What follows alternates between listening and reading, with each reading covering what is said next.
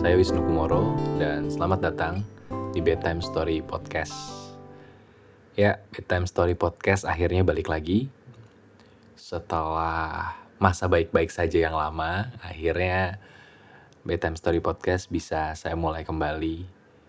Mulai relevan lagi untuk saya mulai. Karena beberapa hari yang lalu saya kembali menjalani program ke psikiater. Jadi buat yang belum pernah dengerin Bedtime Story Podcast sebelumnya, sebenarnya Bedtime Story Podcast itu adalah tempat saya terapi dan saya mengajak teman-teman untuk terapi bersama berdasarkan topik yang memang saya tentukan di setiap episodenya. Jadi saya tidak pernah berharap ini menjadi sebuah podcast yang reguler uh, karena artinya saya nggak sembuh-sembuh berarti. Tapi di sini juga saya pengen sembuh dengan cara mengajak teman-teman untuk terapi bersama. Jadi mungkin saya menyebutnya sebuah season baru untuk Bedtime Story Podcast. Uh, dan ini bukanlah podcast lucu-lucuan, karena tidak ada hal lucu sebenarnya yang saya ceritakan. Bukan podcast sedih-sedihan juga, karena bukan itu tujuannya. Bukan podcast untuk sendu-senduan juga bukan, tapi inilah podcast di mana saya Wisnu Kumoro yang akan memandu podcast ini menjadi diri saya sendiri. Dan ke depannya sebenarnya saya tidak akan bercerita sendirian. Karena saya juga menampung cerita dan kisah dari teman-teman yang ingin berbagi cerita. Nanti di akhir podcast akan saya beritahu dikirimkan ke mana ceritanya agar bisa saya sampaikan dan saya ceritakan di episode-episode selanjutnya. Tapi yang jelas di episode pertama setelah kembali lagi ini saya mau cerita sebuah hal yang mungkin banyak orang juga bertanya-tanya dan banyak orang yang memikirkan hal serupa yaitu adalah kenapa kita perlu untuk mencari pertolongan profesional dalam hal ini psikolog ataupun psikiater. Karena saya pun sebenarnya menghindari untuk pergi ke psikolog atau ke psikiater sebenarnya. Sangat-sangat menghindari. Uh, karena saya sudah pernah dalam pengobatan sebelumnya dan saya sudah membaik dan saya berpikir kalau saya kembali artinya usaha saya gagal yang sebelumnya. Ada semacam penyangkalan itu dan buat teman-teman yang belum pernah ke psikolog atau psikiater mungkin juga e, mengalami hal yang sama. Ada penyangkalan di dalam dirinya kalau eh, semua masih bisa ditangani kok. I can handle it. Masih dalam koridor yang wajar kok ini, masih baik-baik saja dan lain-lain. Tapi mungkin teman-teman perlu ingat, kita kadang nggak tahu diri kita sendiri. Kadang kita tidak bisa menemukan cermin yang jelas, sehingga kita bisa melihat diri kita apa adanya. Karena kadang kita ada di ruangan gelap dengan berbagai bentuk cermin, di mana cermin ini adalah simbolisasi orang-orang di sekitar kita, yang kadang cerminnya tuh kotor. Kadang dia bukan cermin sama sekali Kadang dia cermin yang bagus, tapi terlalu jauh untuk kita lihat. Nah itu seperti keadaan lingkungan sosial kita. Kadang kita nggak bisa tahu diri kita yang sebenarnya seperti apa karena di lingkungan kita, di sekitar kita, kita dikelilingi orang-orang atau simbolnya di sinilah cermin yang tidak proporsional. Kalau kita melihat ke cermin cembung atau cekung, kita bisa terlihat lebih kecil atau lebih besar dari yang seharusnya. Kalau memang tubuh kita besar dan ketika ngelihat kita lebih kecil dari seharusnya, mungkin kita happy. Ya mungkin kita ketemu seorang orang-orang seperti itu sehari-harinya. Orang yang membuat kita selalu merasa happy. Meskipun itu bukan kita yang sebenarnya. Dan begitu pun kalau kita sebenarnya baik-baik saja, tapi kita ketemu cermin yang cembung, dan kita terlihat jadi tidak sebaik-baik itu, dan kita menyalahkan diri kita sendiri. Kita tidak proporsional melihat diri kita jadi kalau kamu saat ini mendengarkan ini ngerasa, saya baik-baik aja kok. Well, it's good for you if it's true. Tapi kalau enggak, enggak ada salahnya. Coba cek dulu aja, coba konsul dulu aja. Satu sesi aja, satu jam aja. Ketemu psikolog atau psikiater hanya untuk memastikan bahwa orang-orang di sekitar kita, cermin-cermin di sekitar kita, tempat kita merefleksikan diri kita sendiri itu akurat. Karena sehebat apa pun kamu, kamu tidak akan pernah bisa menatap dirimu sendiri. Semua melalui refleksi. Jadi, sekali lagi, kalau memang bisa dihandle sendiri, it's really good. It's really, really good. Tapi kalau nggak bisa, itu artinya bukan kalah. Itu artinya sadar. Dan itu yang saya lakukan. Saya pernah mengalami pengobatan beberapa tahun yang lalu, makanya saya memulai Betam Story Podcast. Tapi saya berhenti karena saya akhirnya bisa melakukan uh, refleksi diri yang lebih baik, saya mengenal diri saya lebih baik, dan bertahan beberapa tahun. Sampai akhirnya ketika saya merasa kalau kondisi seperti berulang, banyak hal yang terjadi di hidup saya, dan saya butuh orang yang memang memahami lebih lanjut lagi daripada saya, So I go back. Saya kembali lagi ke psikiater. Um, itu alasan kenapa saya ke psikiater. Saya punya rangkaian masalah yang mungkin saya nggak bisa ceritakan semua. Tapi ada beberapa tanda yang membuat saya akhirnya saya yakin saya butuh ke psikiater lagi. Dan mungkin teman-teman juga memiliki tanda-tanda itu. Tapi teman-teman mungkin masih ragu. Saya akan sharing beberapa tanda yang saya rasakan. Dan mungkin terjadi juga di teman-teman atau mungkin lebih parah atau mungkin tidak separah itu. Jadi akurasinya mungkin berbeda karena hal yang saya rasakan mungkin berbeda sama yang kamu rasakan. Hal pertama yang saya rasakan adalah dysfunction. Saya merasa gagal berfungsi dengan baik sebagai uh, suami karena saya sudah punya istri sekarang. Saya gagal berfungsi dengan baik sebagai teman, saya gagal berfungsi dengan baik sebagai partner kerja, Bahkan dalam beberapa momen saya gagal berfungsi dengan baik sebagai manusia biasa aja. Contoh kegagalan fungsinya adalah saya tidak bisa berperan dengan baik misalkan saat bekerja. Saya tidak bisa menyelesaikan pekerjaan saya dengan uh, seperti biasanya, seperti normal dan sehatnya saya selama beberapa tahun setelah pengobatan yang pertama. Itu saya gagal. Kemudian uh, saya gagal uh, untuk membangun hubungan yang baik dengan orang-orang yang seharusnya selama ini bisa saya jalin hubungannya dengan baik. Uh, saya gagal untuk memahami diri saya sendiri. Saya mulai tidak tahu ekspresi yang tepat di setiap kondisi seperti apa. Kapan saya harus marah, kapan saya harus senang, kapan harus sedih. Mix feelingsnya terlalu sering sampai saya nggak bisa mendefinisikan ini perasaan apa sebenarnya kemudian saya mulai kehilangan perasaan excited terhadap hal yang seharusnya menjadi favorit saya. Saya suka banget kerja. Ini adalah sebuah hal yang mungkin bagi sebagian orang kayak, waduh, kok senengnya kerja ya. Tapi saya sangat senang kerja. Saya workaholic banget.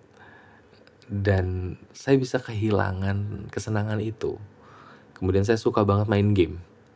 Tapi dalam beberapa waktu bisa saya nggak suka sama sekali untuk bahkan memulai main game. Saya mulai sulit untuk menentukan pilihan. Simpel aja, saya punya koleksi ratusan game Nintendo Switch di tempat saya. Saya cukup memilih satu untuk saya mainkan karena saya suka semua. Itu adalah koleksi yang memang saya suka makanya saya koleksi gitu. Tapi memilih satu untuk dimainkan aja, saya bisa menghabiskan waktu satu setengah jam sendiri. Hanya untuk memilih, bukan untuk mainnya, hanya untuk memilih. Saya nggak bisa memilih mana yang saya inginkan pada saat itu. Dan saya punya perasaan marah, kemudian tidak ketidaktenangan yang eh, nggak proporsional.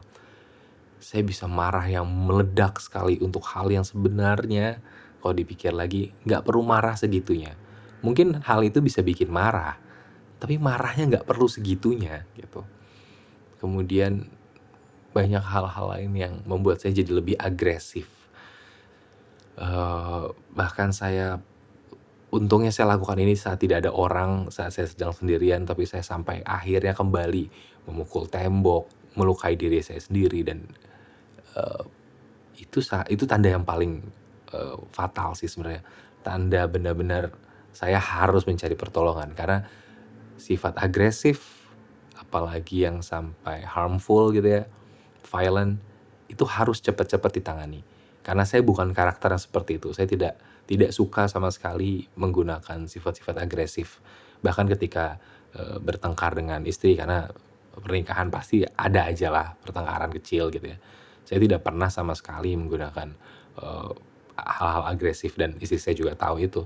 Saya dengan keluarga jika ada konflik nggak pernah sama sekali menggunakan hal agresif. Begitupun partner kerja saya. Mereka semua tahu betapa saya bisa memanage kemarahan saya dengan sangat baik selama ini. Tapi tiba-tiba di kondisi-kondisi tertentu saya mulai merasa agresif uh, dan itu bahkan cuma saya rasakan sendiri tidak keluar, tapi saya ngerasa itu dan wah ini nggak benar nih gitu. Dan tanda terakhir yang benar-benar saya rasakan adalah saya merasakan keletihan yang tidak normal. Saya letih terhadap apa pun. Saya letih memikirkan apa pun. Saya nggak tahu kenapa. Saya tidur di kasur yang nyaman. Saya sampai pergi e, refleksi, pijat juga supaya badan saya enak gitu ya. Saya pikir saya kelelahan atau apa. Tapi kok rasanya tetap lelah. Sebuah lelah yang tidak hilang dan belakangan saya ketahui yang lelah bukan tubuh saya, tapi batin saya. Ada kelelahan di batin saya yang tidak bisa dipijat, tidak bisa dihilangkan uh, dengan mudah keletihan itu. Dan hal-hal itu menumpuk, menumpuk, menumpuk sampai klimaksnya beberapa hari sebelum saya akhirnya kembali ke psikiater adalah saya mulai melakukan yang namanya social withdrawal. Saya mulai merasa lebih baik ketika saya sendirian. Saya tidak ingin ketemu dengan siapa pun, bahkan pernah di satu momen selama hampir satu minggu penuh. Saya cuma bertemu istri saya saja dan uh, orang yang biasa ngantar makanan ke rumah saya. Udah gitu doang. Cuma dua orang itu yang saya temui setiap harinya. Udah nggak ada orang lain dan saya tidak berkomunikasi apa pun jadi mulut saya seperti tidak berfungsi karena saya tidak berbicara dengan siapa pun. Komunikasi seluruhnya digital, seluruhnya virtual. Dan udah itu itu membuat saya ngerasa there's something wrong with me. Saya coba telaah dengan uh, knowledge saya yang terbatas. Kayaknya kesimpulannya saya harus bertanya ke orang-orang yang memang memang kompeten di bidangnya. Mereka profesional melakukan itu dan akhirnya saya pergi untuk terapi lagi untuk ke psikiater lagi. Dan bisa dibilang saya lagi rawat jalan lah gitu. Dan mungkin teman-teman ngedenger ini bertanya ke dirinya sendiri tapi apakah kita bisa percaya keadaan kita ke orang yang melakukan sesuatunya bukan karena peduli tapi karena pekerjaannya? Kita sama-sama tahu eh, psikolog, psikiater itu pekerjaan. Mereka memang mencari uang dari situ Terus kalau apa orang yang cari uangnya dari situ, apakah lantas mereka peduli sama kita? Apakah mereka bisa membantu kita benar-benar membantu kita gitu? Saya yakin banyak yang ragu sama hal itu. Dan saya pun juga ragu. Saya sangat-sangat ragu bahkan bisa dibilang seperti itu. Jadi butuh pemikiran yang cukup lama bagi saya sampai akhir saya yakin ada part yang uh, saya pahami sendiri melalui pekerjaan saya. Saya bekerja membuat konten, uh, lebih tepatnya mereview uh, gadget di YouTube gitu. Ketika saya melakukan pekerjaan saya, ya saya juga mencari keuntungan di situ. Tapi apakah lantas yang saya sampaikan bohong? Apakah lantas konten yang saya buat itu atas dasar yang penting dapat uang aja? Ternyata tidak. Saya juga peduli sama orang yang menonton konten saya saya peduli sama mereka. Makanya saya membuat konten itu. Dan saya diuntungkan dengan konten itu. Jadi ini adalah sebuah tahapan di mana kepedulian saya terhadap mereka ternyata bisa mendatangkan uang untuk saya. Nah ketika itu saya alami sendiri, saya, saya ber, uh, berpikir lagi, ya psikolog dan psikiater kurang lebih seperti itu juga. Mereka peduli sama orang-orang ini, peduli sama saya Makanya mereka mau mendengarkan. Mereka mau memberikan, kalau psikiater ya, mereka memberikan resep obat. Supaya tujuannya adalah orang ini bisa mengendalikan dirinya lebih baik dan lain-lain. Dan mereka dari situ mendapatkan keuntungan ekonomi. Karena gimana pun mereka juga butuh penghidupan. Dan itu kan sebenarnya metode yang sama dengan apa yang saya eh, saya lakukan gitu, saya rasakan juga sehari-hari, gimana saya mendapatkan uang gitu. Jadi saya berpikir, ya itu memang pekerjaan mereka dan masalah kepedulian atau tidak, sebenarnya balik lagi ke orangnya. Makanya saya selalu sarankan, kalau memang kamu tidak merasa cocok dengan psikolog atau psikiater kamu, cari aja yang lain. Cari yang paling pas untuk kamu. Dan ketika sudah pas, ya sudah percaya kepada dia kalau dia bisa membantu kamu dengan dengan lebih baik gitu. Uh, saya pun begitu ketika saya bekerja sebagai tech reviewer ketika ada orang yang nggak percaya dengan apa yang saya sampaikan saya selalu bilang ya sudah silahkan cari orang yang tech reviewer lain yang kamu percaya. Karena pada akhirnya masalah kecocokan karakter itu penting. Dan kalau kita ke psikolog dan ke psikiater juga sama kecocokan itu penting. Dan untuk episode pertama saya saya cuma pengen bilang itu di kembalinya bedtime story podcast. Alasan kenapa saya pergi ke psikiater dan alasan kenapa kamu juga sebaiknya pergi ke psikiater atau psikolog kalau memang kamu membutuhkannya. Dan saya pribadi saya membutuhkannya. Dan saya berterima kasih kepada orang-orang yang memang peduli, uh, khususnya psikiater dan psikolog yang peduli dengan pasien-pasiennya. Saya berterima kasih sekali karena kalian membantu banyak nyawa, kalian membantu banyak kisah untuk berlanjut. Dan kalau dipikir-pikir, itu lebih dari sekedar uang yang kita keluarkan untuk bertemu kalian. So once again, thank you so much. Dan buat teman-teman yang butuh bantuan, butuh uh, pertolongan, jangan ragu. Dan kalau masih ragu, coba aja dulu. Semoga kalian semua sehat-sehat dan seperti yang saya janjikan, kalau kalian ada yang mau bercerita ke saya, kalian bisa kirim email. Ini emailnya sebentar, saya sambil nyontek ya, karena saya tidak terlalu hafal emailnya. Emailnya saya siapkan, kalian bisa kirimin ke eh, bedtimestory at wisnukumoro.com. Saya ulangin ya, bedtimestory at wisnukumoro.com. Itu tulisannya B A D T I M E S-T-O-R-Y at Wisnu Kumoro W I S N U K U M O R O dot com. Kamu silahkan tuliskan aja cerita kamu.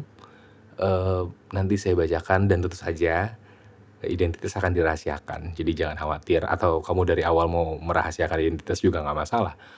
Uh, tapi kalau mau nulis identitas juga nggak apa-apa. Semakin detail ceritanya pun juga nggak apa-apa, nggak detail pun nggak apa-apa cukup tuangkan apa yang mau kamu tuangkan aja.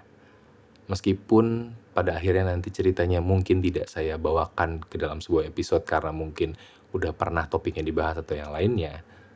Tapi semua cerita yang masuk saya baca. Dan beberapa akan saya balas secara personal. Karena memang cuma saya yang mengakses email ini. Jadi tenang aja, cuma saya yang baca. Dan terima kasih kalau kamu sudah mengirimkan uh, cerita itu dan mungkin ini saya buka emailnya di Januari 2023 kalau kalian mendengarkan podcast ini jauh setelah waktu ini mungkin emailnya sudah tidak ada. Saya nggak tahu ya tapi ya kita lihat aja. Nanti gimana kelanjutan dari season barunya bedtime story podcast ini. But once again terima kasih. Uh, dan mungkin juga terasa berbeda ya bedtime story podcastnya sekarang karena saya hampir nggak ada yang diedit nih. Ngomong langsung aja. Kalau dulu tuh banyak banget editannya by the way. Dan saya tahu kapan episode berikutnya akan ada dan topiknya akan seperti apa saya nggak tahu. Tergantung cerita kalian jadi saya tunggu. Dan terima kasih sudah mendengarkan lagi Bedtime Story Podcast. Saya berterima kasih sekali dan mari kita terapi sama-sama Sampai jumpa.